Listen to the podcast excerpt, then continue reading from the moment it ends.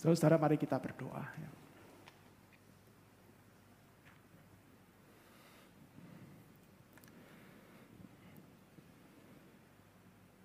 Tuhan kami saat ini mau belajar kebenaran firman-Mu. Tuhan menolong kami supaya kami bisa memahami akan kebenaran firman Tuhan. Dan Tuhan juga menolong kami ya Tuhan supaya kami juga bisa mencoba untuk mengaitkan kebenaran firman-Mu ini dengan kehidupan kami pribadi lepas pribadi. Untuk kami mendapatkan pertolongan supaya kami boleh menghidupi kebenaran firman-Mu ini. Sehingga kami menjadi orang yang berbahagia ya Tuhan karena kami bukan hanya membaca, kami merenungkan dan kami mau menghidupi, menaati apa yang menjadi firman-Mu bagi kehidupan kami. Tolong kami semua yang lemah dan terbatas ini, berkati juga hamba-Mu yang lemah ini ya Tuhan. Kuduskan dan layakkanlah dia. Di dalam nama Tuhan Yesus kami berdoa. Amin. Jadi selamat pagi Bapak Ibu Saudara sekalian, baik yang ada di ruang ibadah ini bersama dengan saya maupun yang ada di rumah ataupun di tempat Anda masing-masing. Jadi kita dapat tema pada saat ini itu adalah Jesus the Christ ya atau Yesus Kristus Sang Mesias. Nah, kita akan baca Saudara-saudara dari Injil Matius pasal yang ke-16 ayat yang ke-13 sampai yang ke 17. Matius pasal yang ke-16 ayat yang ke-13 sampai yang ke-17. Nah demikian bunyinya. Setelah Yesus tiba di daerah Kaisarea Filipi, ia bertanya kepada murid-muridnya, kata orang, siapakah anak manusia itu? Jawab mereka, ada yang mengatakan Yohanes Pembaptis, ada juga yang mengatakan Elia, dan ada pula yang mengatakan Yeremia atau salah seorang dari para nabi. Lalu Yesus bertanya kepada mereka, tetapi apa katamu, siapakah aku ini? Maka jawab Simon Petrus, engkau adalah Mesias, anak Allah yang hidup. Kata Yesus kepadanya, berbahagialah engkau Simon bin Yunus. Sebab bukan manusia yang menyatakan itu kepadamu, melainkan Bapakku yang di surga. Saya akan mengulangi sekali lagi yang menjadi nats kita pada pagi hari ini, Matius 16 ayat yang ke-16 ya. Maka jawab Simon Petrus, engkau adalah Mesias, anak Allah yang hidup. Nah saudara-saudara di atas pengakuan iman inilah kita itu disebut sebagai orang Kristen saudara-saudara. Karena sesungguhnya orang-orang Kristen itu bukan sekedar orang-orang yang beragama saudara-saudara. Jadi kita ini bukan sekedar disebut Kristen itu karena kita itu beragama seperti orang di luar sana saudara-saudara. Kita itu berdoa, kemudian kita itu ke gereja, atau kita itu baca Alkitab, atau kita itu kemudian ngaku-ngaku mengenal dan menyembah Tuhan yang namanya Yesus. Tetapi saudara-saudara pengakuan iman dari Simon inilah itu yang juga menjadi pengakuan kita. Gereja Tuhan bahwa dia Tuhanku itu adalah Mesias, anak Allah yang hidup. Nah saudara-saudara Mesias itu adalah satu kata yang berasal dari kata Ibrani itu ya. Yang disebut yang artinya itu adalah yang diurapi. Mesias itu artinya adalah yang diurapi. Nah di dalam bahasa Yunani saudara-saudara, Mesias atau yang diurapi itu memakai bahasa Yunani yang disebut sebagai Kristos atau Kristus. Nah sehingga saudara-saudara tidak heran Tuhan kita itu disebut sebagai Yesus Kristus. Yesus Sang Mesias. Jadi saudara-saudara seorang pendeta itu pernah guyon gitu ya ngomong ya. Kristus itu bukan nama keluarganya Yesus saudara. Tetapi Kristus itu adalah satu gelar bahwa dialah Yesus Sang Mesias yang diurapi Allah. Untuk apa? Saudara di dalam Injil Matius itu dikatakan di dalam dengan jelas sekali saudara kalau kita membaca Injil ini bahwa Mesias ini adalah keturunan Daud dia itu adalah yang telah dinubuatkan oleh para nabi Dia adalah anak Allah yang hidup, yang datang menjadi manusia. Untuk apa saudara-saudara? Injil Matius menjelaskan dengan jelas sekali. Untuk menyelamatkan umatnya dari dosa-dosa mereka. Dan di atas pengakuan iman inilah, seperti yang dikatakan Simon Petrus itu saudara-saudara, kita itu menjadi anak-anak Tuhan. Orang-orang percaya di dalam Tuhan. Nah saudara-saudara ketika kemudian Petrus itu mengucapkan pengakuan ini saudara-saudara, yang juga mengingatkan kepada kita yang bersama-sama mengaku bahwa dia adalah Mesias anak Allah yang hidup. Tuhan Yesus itu kemudian membukakan satu rahasia kepada Simon dan juga kepada kita. Kepada murid-muridnya dan juga kepada kita, saudara-saudara. Bahwa kalau kita itu bisa mengaku Yesus adalah Mesias, anak Allah yang hidup. Tuhan Yesus berkata, berbahagialah, diberkatilah engkau Bukan karena kita itu paham dan pinter sehingga kita bisa menangkap dengan jelas bahwa Yesus adalah Mesias anak Allah. Bukan karena Simon itu setelah sekian lama ikut Tuhan, kemudian dia itu bisa berpikir, berpikir, berpikir dan kemudian berkata, Yesus engkau Mesias anak Allah. Tapi Tuhan Yesus berkata, berbahagialah. Tuhan berkarya dalam kehidupanmu dan Tuhan itu yang kemudian menuntun engkau sehingga engkau itu mengenal dan berkata dan mengaku. Yesus adalah Mesias, anak Allah yang hidup. Dan Yesus berkata di dalam ayat yang ke-17 tadi. Berbahagialah engkau Simon bin Yunus, sebab bukan manusia yang menyatakan itu kepadamu, melainkan Bapakku yang di sorga. Jadi saudara-saudara ketika kita itu berdiri di atas pengakuan iman ini, saudara-saudara, kita itu memuji Tuhan. Karena firman Tuhan mengingatkan kepada kita bahwa karya Allah yang besar, kasih karunia-Nya itu berkarya dalam kehidupan kita sehingga kita itu menyadari dan mengaku sekarang Tuhan Yesus adalah Mesias, anak Allah yang hidup, yang datang untuk mati dan bangkit buat saya. Di antara sekian banyak orang di dunia ini, kita itu yang kemudian berani mengaku dengan pribadi di hadapan Tuhan. Bahwa aku percaya Tuhan Yesus itu Mesias, anak Allah yang hidup. Dan ini adalah berkat dari Tuhan, saudara. Sebaliknya, saya ingin bertanya, saudara-saudara, kepada kita, baik yang di tempat ini maupun yang di rumah. Saudara-saudara, seberapa lama pun kita menjadi orang Kristen, Entah kenapa saudara-saudara kita itu bisa menjadi orang Kristen. Pertanyaannya sama seperti yang ditanyakan oleh Tuhan Yesus. Siapa Tuhan Yesus itu menurut engkau? Kenapa saudara-saudara?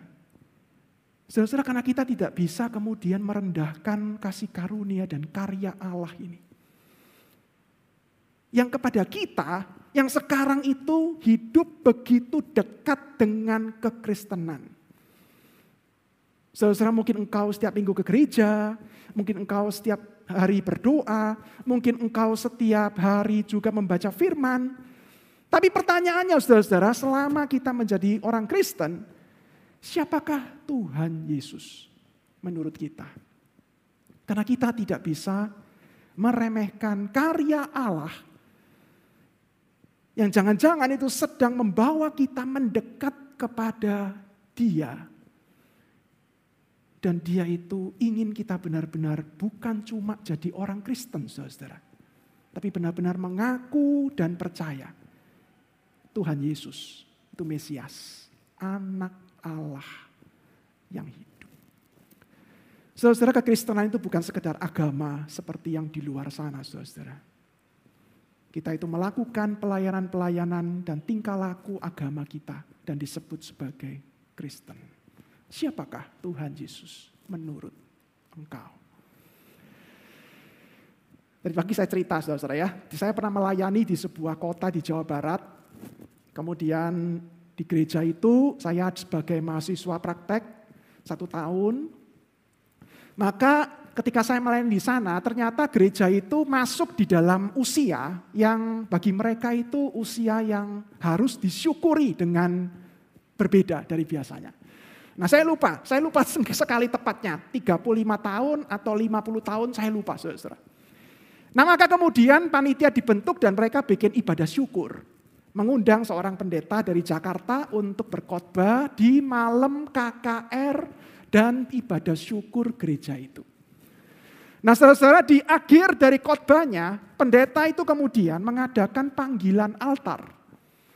Mengundang jemaat untuk berani maju ke depan, mengaku iman mereka bagi yang mau menerima Tuhan Yesus pada malam itu. Maju ke depan jemaat Tuhan. Engkau yang mau menerima Tuhan Yesus pada malam hari ini. Nah saudara mereka beberapa maju saudara. Dan kemudian setelah kami itu kumpulkan data dari mereka yang maju itu. Maka beberapa itu terkejut. Karena ternyata saudara orang-orang yang, yang maju itu beberapa itu justru yang kami kenal selama ini. Bahkan melayani bersama-sama dengan kami saat itu. Ada beberapa itu petugas penyambutan, sorry, pelayan penyambutan yang biasanya menyambut jemaat setiap minggu. Ada beberapa itu yang membantu pelayanan sekolah minggu. Dan malam itu mereka itu disadarkan. Iman Kristen itu bukan sekedar melakukan ini dan itu.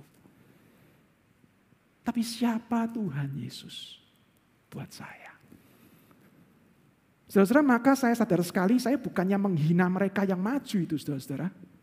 Tapi saya memuji Tuhan karena mereka itu pada malam itu Tuhan berkarya dan menyadarkan mereka. Dan sungguh-sungguh mereka itu serius. Allah ingin berkarya dan membawa saya kepada dia. Dan mereka meresponi dalam iman yang Tuhan berikan itu untuk datang dan menerima Tuhan Yesus. Saudara, iman Kristen itu bukan sekedar agama, saudara. Kita berdiri di atas pengakuan bahwa Yesus adalah Mesias, anak Allah yang hidup. Yang datang ke dalam dunia untuk menebus dan menyelamatkan kita dari dosa. Nah cuma saudara-saudara nggak berhenti sampai di sana kan ya. Karena sekarang pertanyaannya adalah bagaimana saya akan menghidupi iman di dalam Tuhan Yesus yang adalah Mesias dan anak Allah bagi saya. Nah bagaimana kemudian kita itu akan menghidupi iman yang seperti ini saudara-saudara.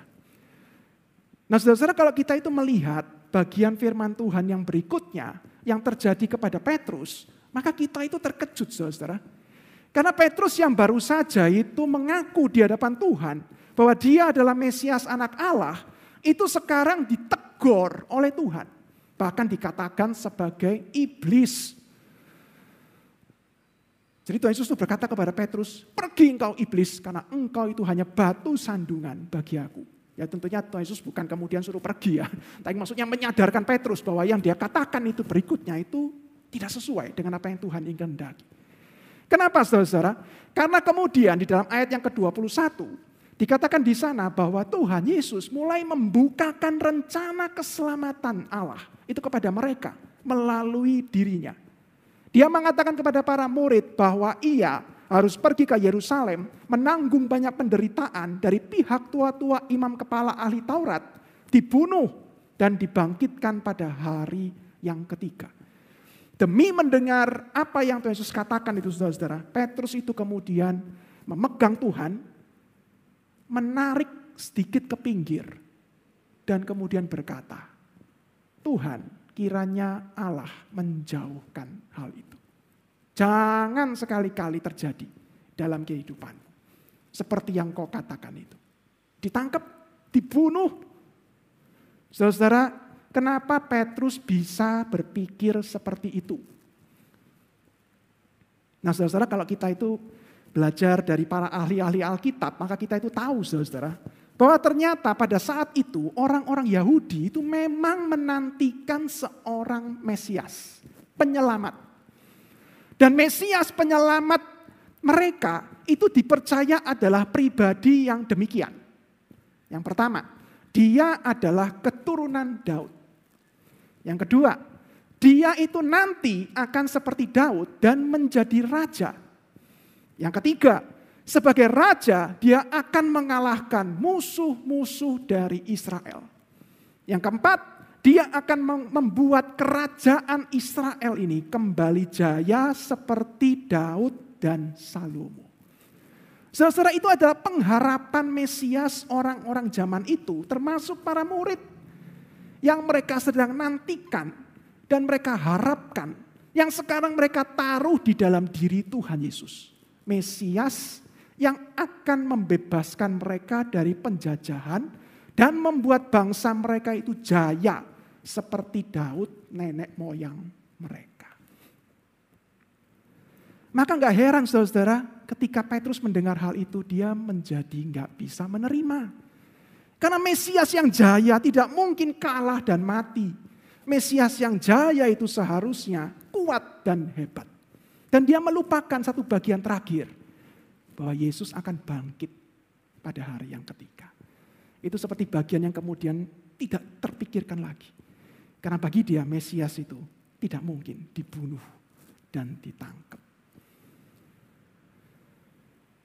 Saudara ketika kita itu ingin menghidupi iman kita di dalam Tuhan Yesus, Mesias dan penyelamat kita, saudara. Dari Simon Petrus ini kita bisa belajar satu hal, saudara. Bahwa tantangannya itu adalah pikiran kita yang kadang bisa seperti Petrus. Terutama ketika kita itu ada dalam satu pengharapan, satu kerinduan, satu kebutuhan yang begitu sangat sehingga benar-benar saudara-saudara, kerinduan, keinginan, pengharapan, kebutuhan kita itu, kita benar-benar tanamkan dalam diri Tuhan Yesus. Dan dia itu harus memenuhinya. Dan menjadi seperti yang saya inginkan bagi kehidupan saya. Menyelamatkan saya dari dosa, membangkitkan orang mati, itu nanti aja. Karena bagi saya dia Mesias Tuhan yang saya sembah, yang harus dan memberikan harapan yang saya inginkan saat ini. Saudara-saudara kita hidup di tengah-tengah dunia yang telah jatuh dalam dosa. Dunia yang jatuh dalam dosa itu telah menanggung akibat dari dosa. Maka saudara-saudara kita ini hidup memang melihat dunia kita itu seperti ini. Kadang-kadang ada kesulitan dan kejahatan yang ada, Kadang-kadang itu ada virus-virus yang kita nggak pernah bayangkan yang kita sekarang hidupi seperti ini. Sehingga saya nggak pernah bayangkan saudara-saudara sudah berapa sudah beberapa kali saya itu berkhotbah dengan memakai penutup mulut ini saudara-saudara. Dan entah kapan saya akan bisa melepasnya ke depan. Saudara-saudara kadang-kadang kita mengalami maaf ya, kita mengalami maaf. Ditinggalkan dan kematian. Karena dunia ini memang sudah jatuh di dalam dosa. Dan di tengah-tengah situasi seperti itu yang kita jalani di dunia ini, saudara-saudara, kita itu mengalami apa yang dunia ini juga alami. Dan pengalaman dengan dunia yang telah jatuh dalam dosa itu, saudara-saudara, kesulitan, kejahatan, apa pun itu. Kadang-kadang itu membuat kita itu menaruh harapan dan keinginan kita. Mungkin seperti Simon Petrus dan orang-orang Yahudi itu, saudara-saudara menaruhnya kepada Mesias kita, Tuhan Yesus. Dan kita itu benar-benar berharap dia itu menjadi seperti yang kita itu inginkan dan harapkan. Pikiran kita itu yang benar-benar merindukan Tuhan Yesus, engkau harus seperti apa yang saya inginkan, pikirkan, dan harapkan. Nah masalahnya saudara-saudara, Tuhan itu memberikan lebih dari yang sekedar kita pikirkan dan harapkan. Karena dia itu mati dan bangkit untuk melepaskan kita dari dosa. Sehingga kita itu mendapatkan kekuatan dan kemenangan. Bahkan untuk hidup di tengah dunia yang sudah berdosa ini. Tapi saudara-saudara sulit sekali untuk benar-benar melepaskan pikiran yang penuh dengan kerinduan, harapan yang bahkan mungkin sudah mendarah daging dalam kehidupan kita. Ketika kita itu pertemukan itu dengan Tuhan Yesus yang adalah Mesias dan Tuhan kita. Sehingga nggak heran saudara kadang-kadang kita bisa menjadi kecewa ketika kita melihat hidup ini nggak seperti yang kita minta dalam doa. Sehingga kadang-kadang beberapa orang Kristen bisa menjadi marah kepada Tuhan dan bersungut-sungut. Karena merasa apa yang dia inginkan itu, segala hal yang dia sudah baktikan kepada Tuhan itu, sepertinya Tuhan itu tidak membalas seperti yang dia itu harapkan. Beberapa orang Kristen sampai nekat saudara, benar-benar meninggalkan Tuhan. Karena merasa Tuhan Yesus itu nggak bisa lagi diandalkan. Pikiran manusia yang kemudian diletakkan kepada Tuhan Yesus. Seakan-akan Tuhan Yesus itu harus memenuhi apa yang dia inginkan.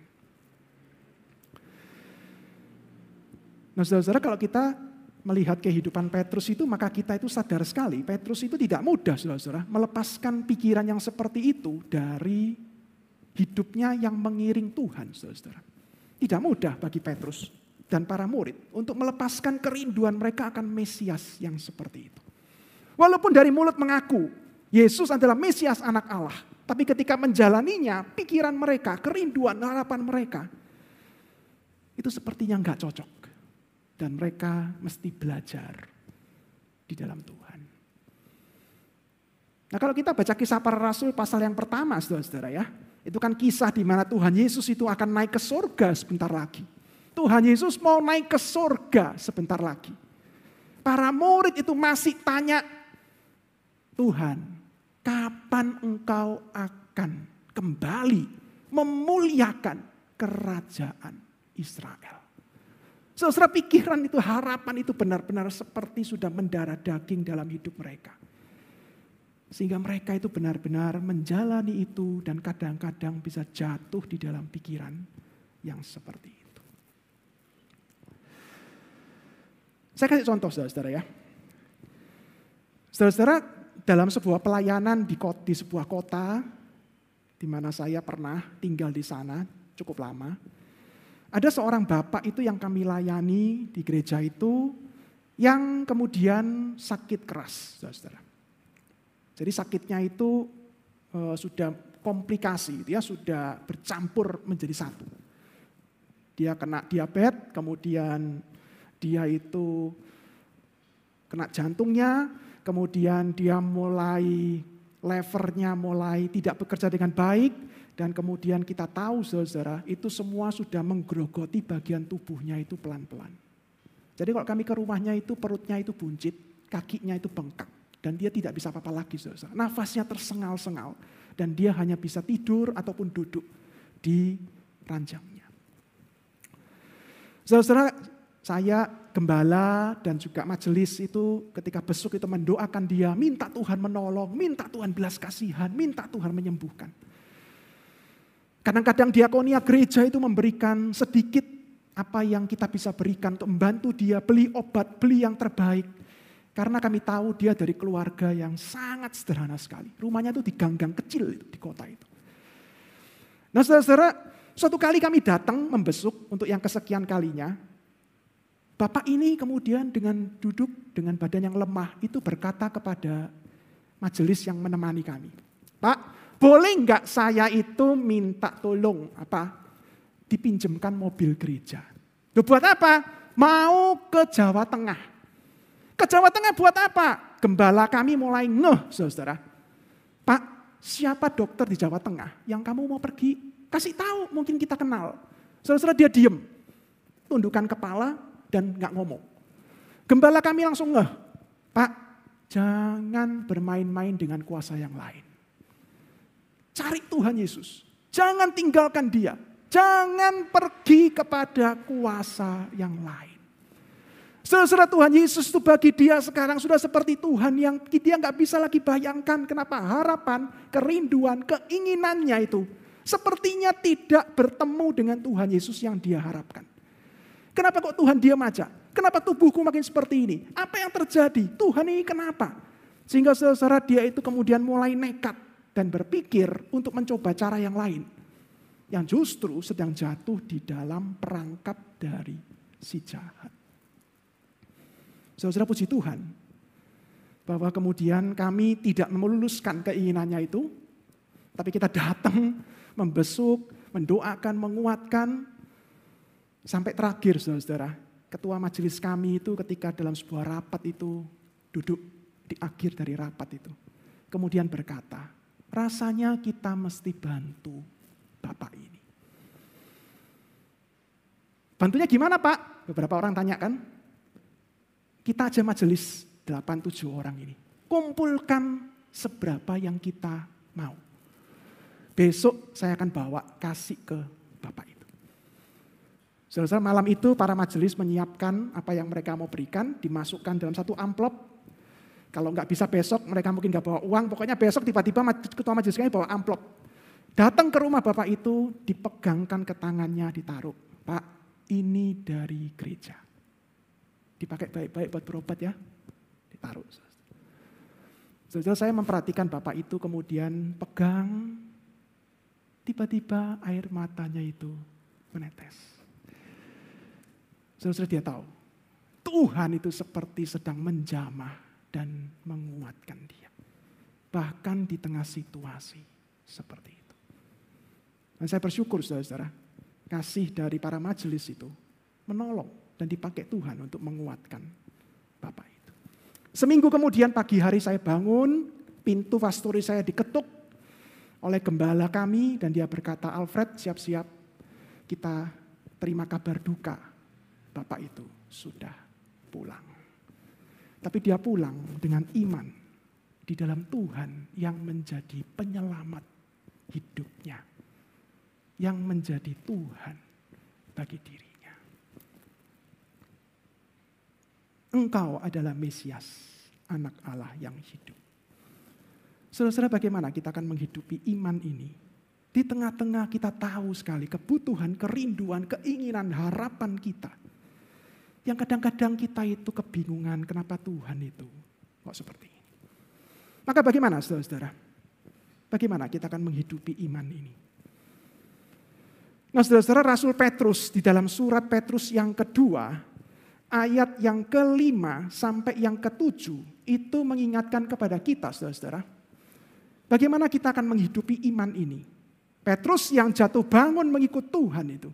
Yang pernah menyangkal Tuhan tiga kali itu mengingatkan kepada kita dengan pertolongan Tuhan, apa yang bisa kita lakukan untuk menghidupi iman kita ini. Jangan mandek, Petrus berkata, jangan mandek. Karena begitu iman kita mandek, saudara, kita hanya akan hidup seperti orang beragama Kristen saja. Tapi mari iman itu hidup dan benar-benar kita hidupi dalam kehidupan kita. Caranya gimana? Petrus berkata, tambahkan kepada imanmu itu kebajikan Jangan mandek iman itu kemudian mesti muncul dalam kebajikan. Yang Yakobus katakan iman itu nyata di dalam perbuatan yang baik yang diperkenan oleh Tuhan. Tapi nggak kemudian seperti itu. Tok Petrus berkata tambahkan kepada kebajikan itu pengetahuan. Kenalah siapa Tuhan Yesus lebih dalam lagi. Belajar firman Tuhan lebih dalam lagi. Kenalah kehendaknya. Kadang-kadang kita ikut pembinaan. Nah, kalau pinjam istilahnya Gloria itu Gloria discipleship class itu kan. Yang kita itu mau belajar sungguh-sungguh mengenal siapa Tuhan Yesus ini. Kenapa dia ini, apa yang dia mau ini. Imanku ini iman yang seperti apa. Dan kita itu mau menghidupinya. Tapi kepada pengetahuan Petrus mengatakan gak boleh berhenti. Tambahkan kepadanya penguasaan diri. Karena biasanya orang yang banyak belajar itu bisa sombong mentang-mentang menguasai doktrin dan firman Tuhan, itu mungkin termasuk saya saudara, dan kemudian merasa cukup dan merasa sudah kenal Tuhan. Petrus mengatakan tambahkan kepadanya itu penguasaan diri. Sehingga kita sadar, kita hati-hati, tidak menjadi sombong. Enggak cuma itu saudara, Petrus mengatakan tambahkan kepada penguasaan diri itu ketekunan. Tekunlah berjalan di dalam iman dan setia kepada Tuhan. Bersabarlah dan bertekun tekun dalam situasi apa pun, mengiring dia. Dan tambahkan kepada ketekunan itu kesalehan. Hidup yang mau diserahkan sungguh-sungguh di jalan Tuhan. Apa yang Tuhan mau, saya mau tunduk dan taat melakukannya. Kesalehan.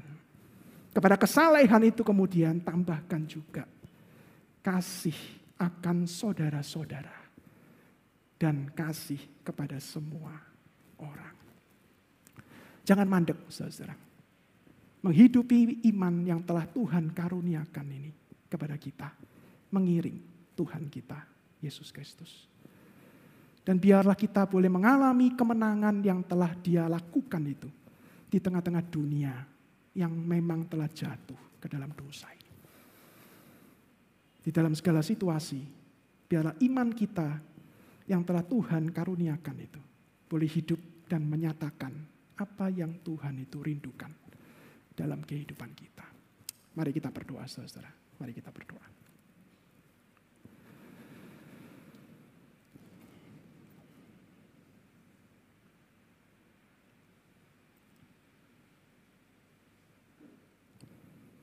Tuhan kami bersyukur kalau kami boleh percaya kepadamu dan mengaku engkaulah Tuhan dalam kehidupan kami.